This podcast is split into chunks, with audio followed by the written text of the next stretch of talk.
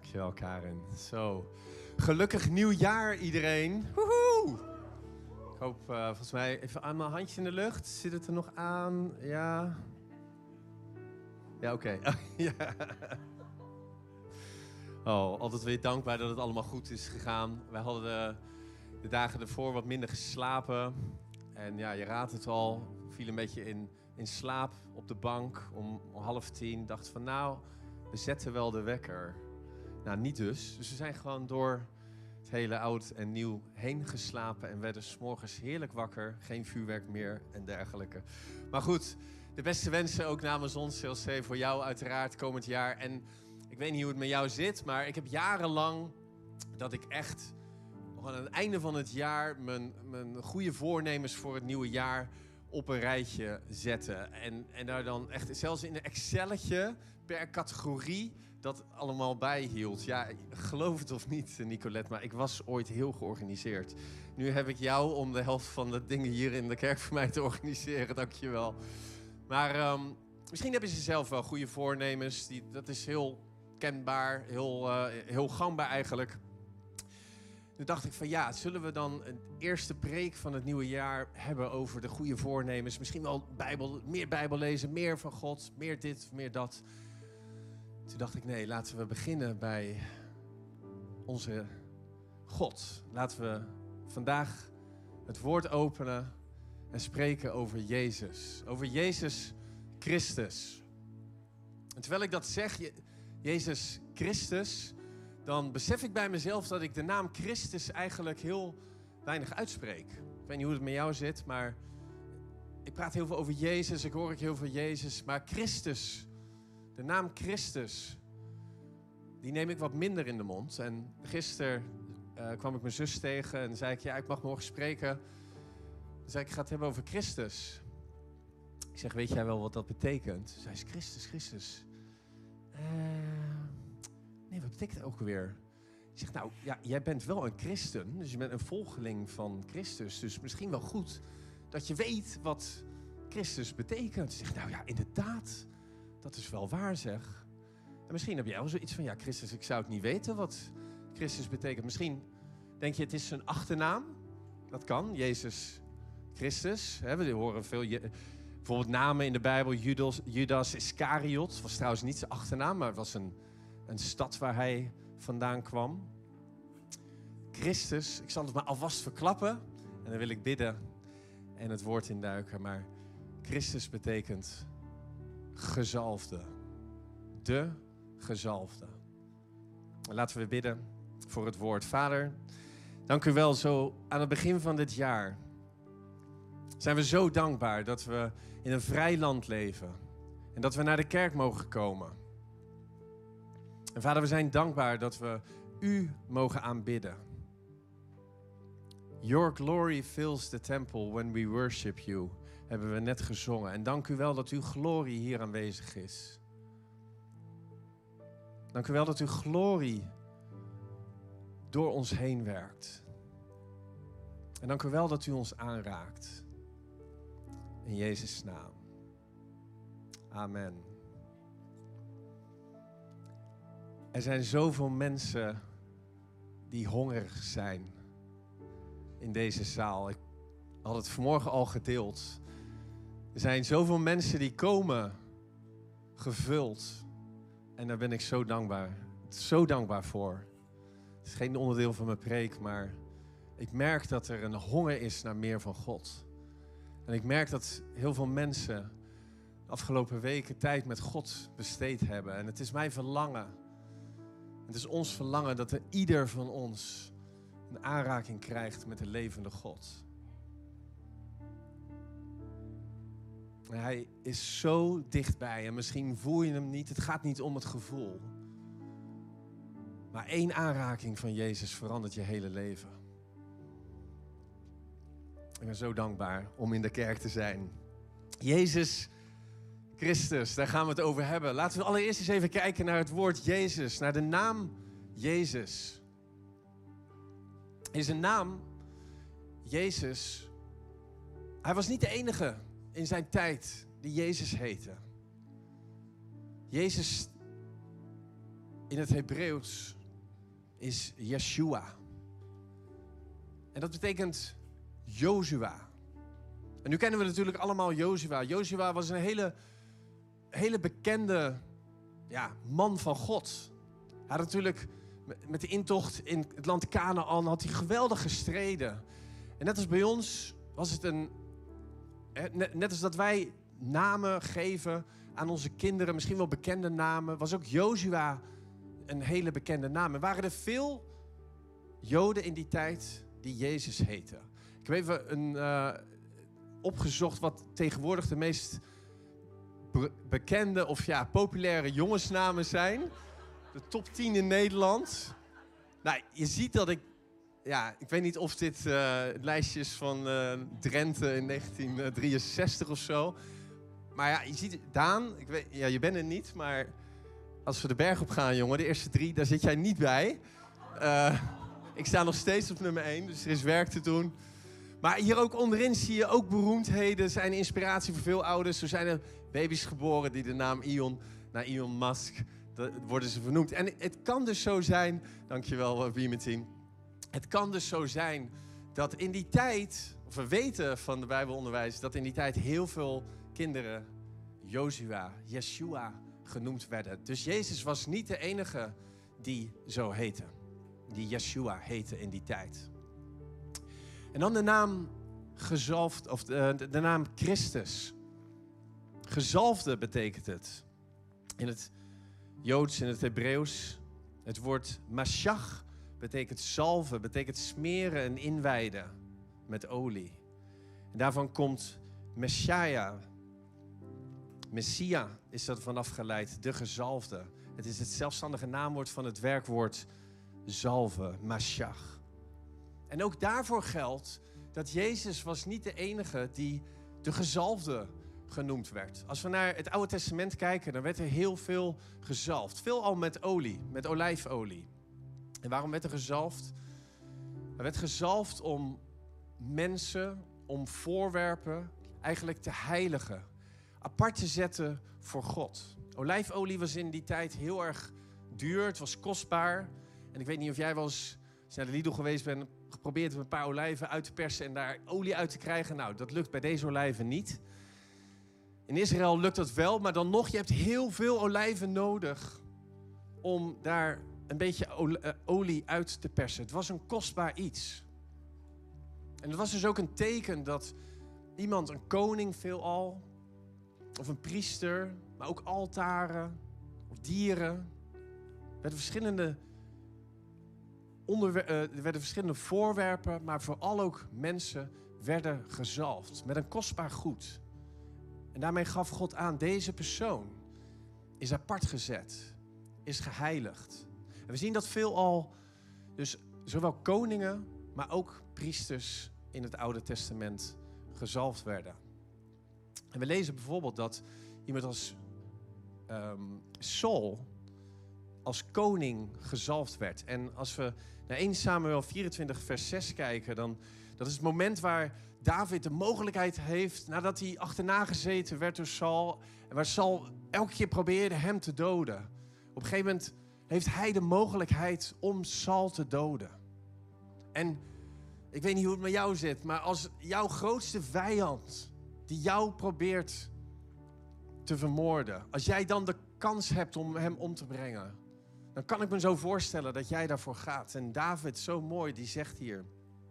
Hij zegt tegen zijn mannen: mogen de, mogen de heren er geen sprake van laten zijn dat ik ooit zoiets zou doen bij mijn Heer, bij de gezalfde van de Heren. Dat ik mijn hand tegen hem zou uitsteken, want hij is de gezalfde van de Heren. Hij is de Messiah. Hij is de Messias. Zo is van de Heer. Zo staat het vertaald in het Hebreeuws. Dus ook het woord Messias, gezalfde, daar was Jezus niet de enige in. En toch heet hij Jezus Christus. Als je goed naar de Bijbel leest, dan wordt er eigenlijk gesproken over Jezus, de Christus. Jezus was de gezalfde. Het interessante is dat Jezus zelf nooit gezalfd is. Dus hij is nooit zoals een koning of een hoge priester gedurende een ceremonie gezalfd. Toch is hij de gezalfde. En ik vroeg me af, ja, maar waarom, waarom dan? Wat, wat betekent dat dan? En in mijn studie daarnaar kwam ik uit, en Kees gaat hier heel blij mee zijn, op de Heidelbergse catechismus. Ik ben even bij mijn ouders, heb ik het, uh, ben in de Griffemeerde Kerk opgegroeid, daar ben ik heel blij mee. Ik heb even het bundeltje gepakt, de Heidelbergse catechismus. Hij komt als het goed is ook op het scherm, want daar staat in zondag 12, vraag 31, waarom wordt hij Christus, dat is de gezalfde, genoemd? En dan maak ik een onderscheid in drie dingen. Hij is door God de Vader voorbestemd en met de Heilige Geest gezalfd. Tot onze hoogste profeet en leraar. Tot onze enige hoge priester. En tot onze eeuwige koning. Jezus is dus door de Heilige Geest gezalfd. Tot onze hoogste profeet en leraar. Onze enige hoge priester en onze eeuwige koning. En dat salven met de Heilige Geest, dat had wat voet in de aarde. Er stond een profetie in Jezaja die daar precies over ging. En toen Jezus aan het begin van zijn bediening, ik weet niet of je het ooit hebt gelezen, maar hij werd gedoopt. Toen daalde de Heilige Geest op hem neer. En toen ging hij vol van de Heilige toen werd, sorry, toen werd hij de, de wildernis ingeleid. Daar werd hij 40 dagen verzocht. En vervolgens weerstond hij daar alle verleidingen van de duivel. En toen staat er vol van de Heilige Geest kwam hij daaruit. En toen het volgende wat we lezen is dat hij de tempel inging. En werd hem de boekrol van Jezaja overhandigd. En hij rolde hem uit tot het volgende vers wat, in Lucas, wat we in Lucas 4 lezen. Toen hij opstond om voor te lezen, werd hem de boekrol van de profeet Jesaja overhandigd. En hij rolde hem af tot de plaats waar geschreven staat. De geest van de Heer rust op mij, want hij heeft mij gezalfd. Om aan armen het goede nieuws te brengen, heeft hij mij gezonden. Om aan gevangenen hun vrijheid, vrijlating bekend te maken. En aan blinden herstel van hun zicht. Om onderdrukten hun vrijheid te geven. En dan lezen we verderop en hij rolde de boekrol op gaf hem terug aan de dienaar en ging weer zitten. De ogen, in de, de ogen van alle aanwezigen in de synagoge waren op hem gericht. En dan legt hij nog een aantal dingen uit in de volgende versen. En dan lezen we in vers 28. Toen de aanwezigen in de synagoge dit hoorden, ontstaken ze in grote woede. Ze sprongen op en dreven hem de stad uit, naar de rand van de berg waarop hun stad gebouwd was, om hem de afgrond in te storten. Maar hij liep midden tot hen door en vertrok. Jezus de Christus. Jezus de gezalfde. Aan het begin van zijn bediening openbaart hij in de synagoge wie hij is. En op dat moment al zeggen de mensen: Wij willen jou de afgrond instorten. Jezus zegt nooit van zichzelf: Ik ben de gezalfde. Hij zegt hier, we zien dit in vervulling gaan. En vervolgens, heel, ik vind het heel bijzonder, maar Jezus gaat zijn bediening in. En op een gegeven moment, dan zit hij met de discipelen. En dit is verderop in zijn, zijn bediening. En Marcus 8 lezen we. Jezus vertrok met zijn discipelen naar de dorpen van Caesarea Philippi. En onderweg stelde hij zijn discipelen een vraag. En hij, zei, en hij zei tegen hen, wie zeggen de mensen dat ik ben? En zij antwoordden, Johannes de Doper, en de andere Elia en weer andere, een van de profeten. En hij, zei en hij zei tegen hen, maar u, wie zegt u dat ik ben? En Petrus antwoordde en zei tegen hem, u bent de Christus. U bent de gezalfde. U bent de Messias. En hij gebood hun streng dat ze niemand over met niemand over hem zouden spreken. Zo bijzonder. Dat Jezus eerst aan het begin van zijn bediening de boekrol opent en aan het volk bekend maakt dat hij de Christus, de gezalfde is. Vervolgens willen ze hem direct vermoorden. En hier vraagt hij het aan discipelen. Aan de mensen, aan, aan de, groep van Intimi, die hem jarenlang hebben gevolgd. En wie zeggen jullie dat ik ben? En Petrus heeft de openbaring ontvangen. En die zegt, u bent de Christus, de gezalfde. Maar Jezus zegt, vertel het aan niemand. Vertel het aan niemand. En ik heb me altijd afgevraagd van, ja, maar waarom mochten de discipelen niet vertellen dat Jezus, wie Jezus daadwerkelijk was op dat moment? Waarom wou Jezus dat geheim houden? Misschien was het wel, omdat als hij zou zeggen, als men zou weten op dat moment dat hij direct gedood zou worden. Maar zijn tijd was nog niet gekomen. Zijn tijd kwam een stukje later. En dat lezen we in Matthäus 14. En hij staat op een gegeven moment, hij is gevangen genomen. En hij komt voor de Joodse raad, voor het, voor het Sanhedrin.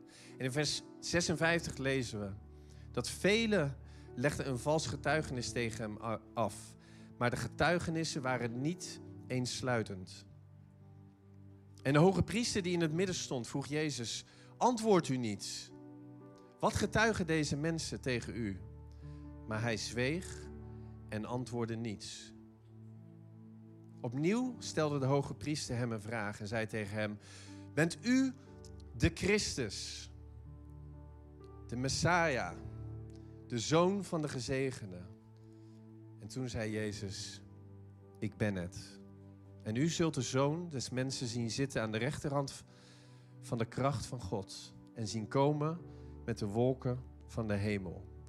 En toen scheurde de hoge priester zijn kleren en zei: Waar hebben wij nog getuigen voor nodig? En vervolgens wordt hij veroordeeld. En wordt, dit is het moment waarop Jezus veroordeeld wordt. Dat hij aangeeft en dat hij bevestigt: Ik ben Jezus. Ik ben niet alleen Jezus, maar ik ben Jezus Christus. En niet alleen Christus zoals een gezalfde, maar ik ben Jezus, de Christus. De profeet en leraar. De hoge priester, de enige hoge priester en de eeuwige koning. En die, en die profeet en leraar, het is zo bijzonder dat hij daar zijn bediening mee begint. Hij onderwijst in de synagoge en hij bleef onderwijzen. Hij bleef onderwijzen en hij gaf ook ons de opdracht. Ga heen en vertel de volken, vertel ze over mij en vertel ze wat ik jullie geleerd heb. Jezus was iemand, die was de grootste profeet en de grootste leraar. En hij bracht het woord van God aan de mensen. Maar niet alleen bracht hij het woord van God. Het woord zegt ook dat Jezus is het woord. En ik bid en geloof dat 2022, dat dit jaar, dat Jezus onze profeet en onze leraar is. Dat we ons door Hem laten vullen. Dat het woord een levend woord is. Of misschien wel wordt voor jou. En jij zei het net al, Sharon Lee. Misschien wel een, Bijbel, een Bijbelplan starten. Ik heb dus gisteren gewoon weer Nicky Gambles eh, jaar Bijbel-app, of het leesplan voor de Bijbel in één jaar geopend. En uh, daar ga ik mee starten, maar heel goed. Sharon Lee, ik heb trouwens vorige week nog voor jouw zus gebeden. Want ik geloof in haar. Ik geloof dat zij God kent. En ik geloof dat God haar tot hem roept. Sterker nog, ik geloof dat ze al bij hem is. En door allerlei omstandigheden dat ze het nog niet herkent. Dus vertrouw erop en weet erop dat, ik niet de enige, dat je niet de enige bent. Er zijn velen die, die om jou heen staan. En ik word altijd bemoedigd.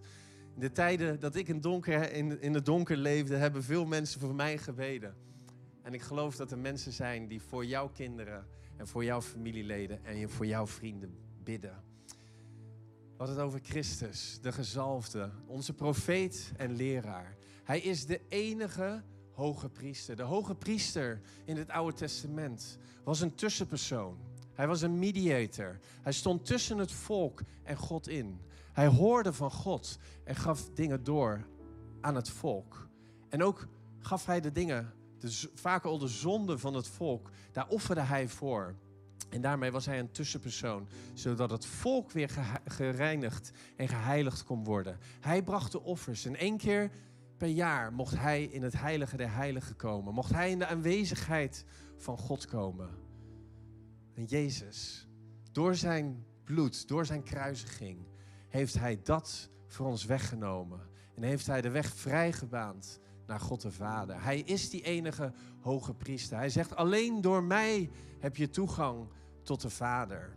Doordat hij de gezalfde is, de Messias, is hij onze enige hoge priester.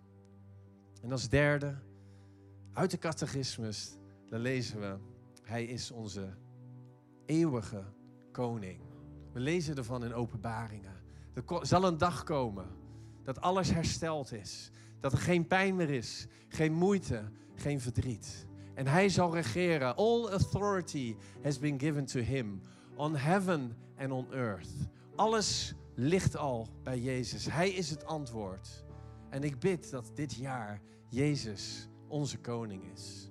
Dat als jij voor moeilijke keuzes staat, dat je omhoog kijkt en weet dat Hij de gezalfde is. Dat de Heilige Geest die Hem gezalfd heeft, ook jouw Heilige Geest is. Hij zei, het is beter dat ik ga, want na mij komt iemand. En dat is de Heilige Geest. En daarmee ben jij ook gezalfd. Weet je, het is het begin van het jaar. Als het goed is, heb je een potje, een klein zalfpotje gekregen. Ik heb er hier een. We gaan zo zalven. Ik wil eerst een gebed uitspreken. En ik geloof dat de Heilige Geest echt wonderen gaat doen in jouw leven dit jaar. Ik ben zo, zo dankbaar dat God ons geschapen heeft. En dat wij, hij zegt, hij zegt, jullie zijn niet langer slaven meer. But I call you, you're no longer slaves or servants. I call you friends. Hij is de grootste vriend die je maar kunt hebben. Hij is onze profeet en leraar. Hij is onze hoge priester. Hij is onze eeuwige koning. En daarbovenop is hij onze grootste vriend. Vader in de hemel. Dank u wel dat we uw woord mochten openen. Dank u wel, Jezus, de Christus. Dat u de gezalfde bent. Dank u wel, God, dat u uw zoon gegeven heeft. En dank u wel dat u, Jezus Christus, gezalfd bent door de Heilige Geest. En ik bid dat dit jaar een jaar zal zijn waarin we u mogen leren kennen. Waarin we dichter bij u mogen komen. In Jezus' naam. Amen. Hey, zalven, we doen het elk jaar aan het begin van het jaar. Het is niet alleen een ritueel. De Bijbel staat er vol mee. Ik ga niet weer een hele preek geven over zalven. Maar er is wel één mooie tekst in, even kijken, waar staat hij? Ik heb hem hier niet. Volgens mij staat hij in Jacobus. Hebben hem, uh, ja, staat hier Jacobus 5. Hier draagt, uh, volgens mij is Paulus, die draagt dus ook, um, of is het Jacobus? Ik weet het even niet. Waar zit Stefan? Help. Alex. De schrijver, die draagt ons op. Als er iemand ziek is, laat dan de ouderlingen aan de gemeente, van de gemeente bij zich roepen en laten die voor hem bidden. En hem met olie zalven in de naam van de Heer. En het gelovige gebed zal de ziekte, zieke behouden en de Heere zal hem weer oprichten. En als hij zonde gedaan heeft, zal hem dat vergeven worden. Beleid elkaar de overtredingen en bid voor elkaar, opdat u gezond wordt. Dus we zien ook dat de kerk in het Nieuwe Testament bemoedigd wordt om te zalven. Normaal gesproken zouden we dat hiervoor doen. Vanwege de afstandregels gaan we dat nu zelf doen. Als het goed is, heb je een potje ontvangen. kan je openen. Je kunt op verschillende manieren zalven.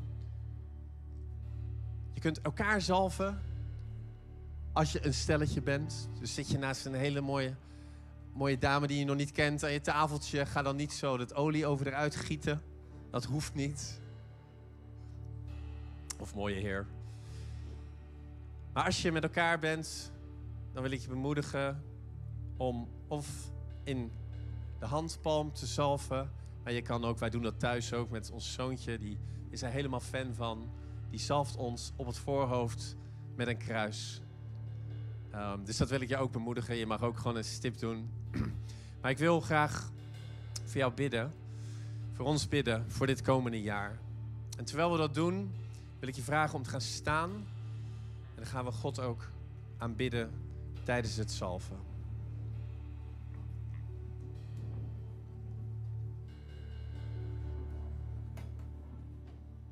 Vader in hemel, dank u wel voor dit nieuwe jaar. Dank u wel voor 2022. En vader, we komen voor u. En op dit moment willen we ons leven, ons gedachten, ons ziel, ons lichaam en onze geest aan uw voeten neerleggen.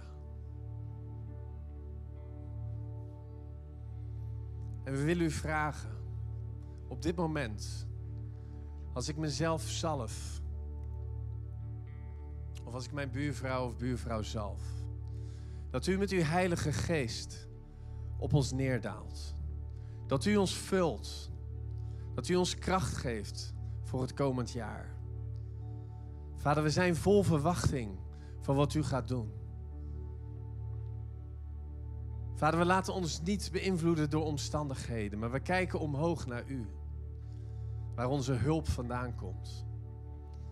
Vader, we danken u wel voor alle zegeningen komend jaar. Voor alle mensen die u gaan leren kennen. Voor alle genezingen, voor alle doorbraken. En ik bid ook specifiek voor doorbraken voor mensen die geestelijk moeilijk zitten. Die worstelen met paniekaanvallen, met onzekerheid, met schizofrenie, met depressie. Dank u wel, Vader, dat u ons nieuw maakt. Ik bid ook specifiek deze zalving over fysieke ongemakken, fysieke handicappen. Dank u wel, Vader, dat u de Jehovah Rapha bent, de God die geneest. En we spreken genezing uit over elk lichaam, over elke bloedcel, over elke spier, over elke zenuw, over elke aandoening. aandoening. We leggen het bij u neer. En vader, we zalven op dit moment ook onze jeugd en onze kinderen. Dank u wel, Vader, dat u een ieder van hen kent al op zo'n jonge leeftijd, dat u van elk meisje en elke jongen houdt. En ik bid dat elk kind zekerheid en identiteit vanuit u zal krijgen. Daal neer met uw Heilige Geest en overstroom onze kinderen, wetende dat ze in u geboren zijn. Dat ze in u hun identiteit hebben. En dank u wel dat u onze kinderen beschermt. Vader, zo bidden we dat dit jaar U, Jezus, de Christus, onze redder, onze heiland en onze gezalfde, dat dit uw jaar is in ons leven. U staat op nummer 1. In Jezus' naam. Amen. Laten we God aanbidden.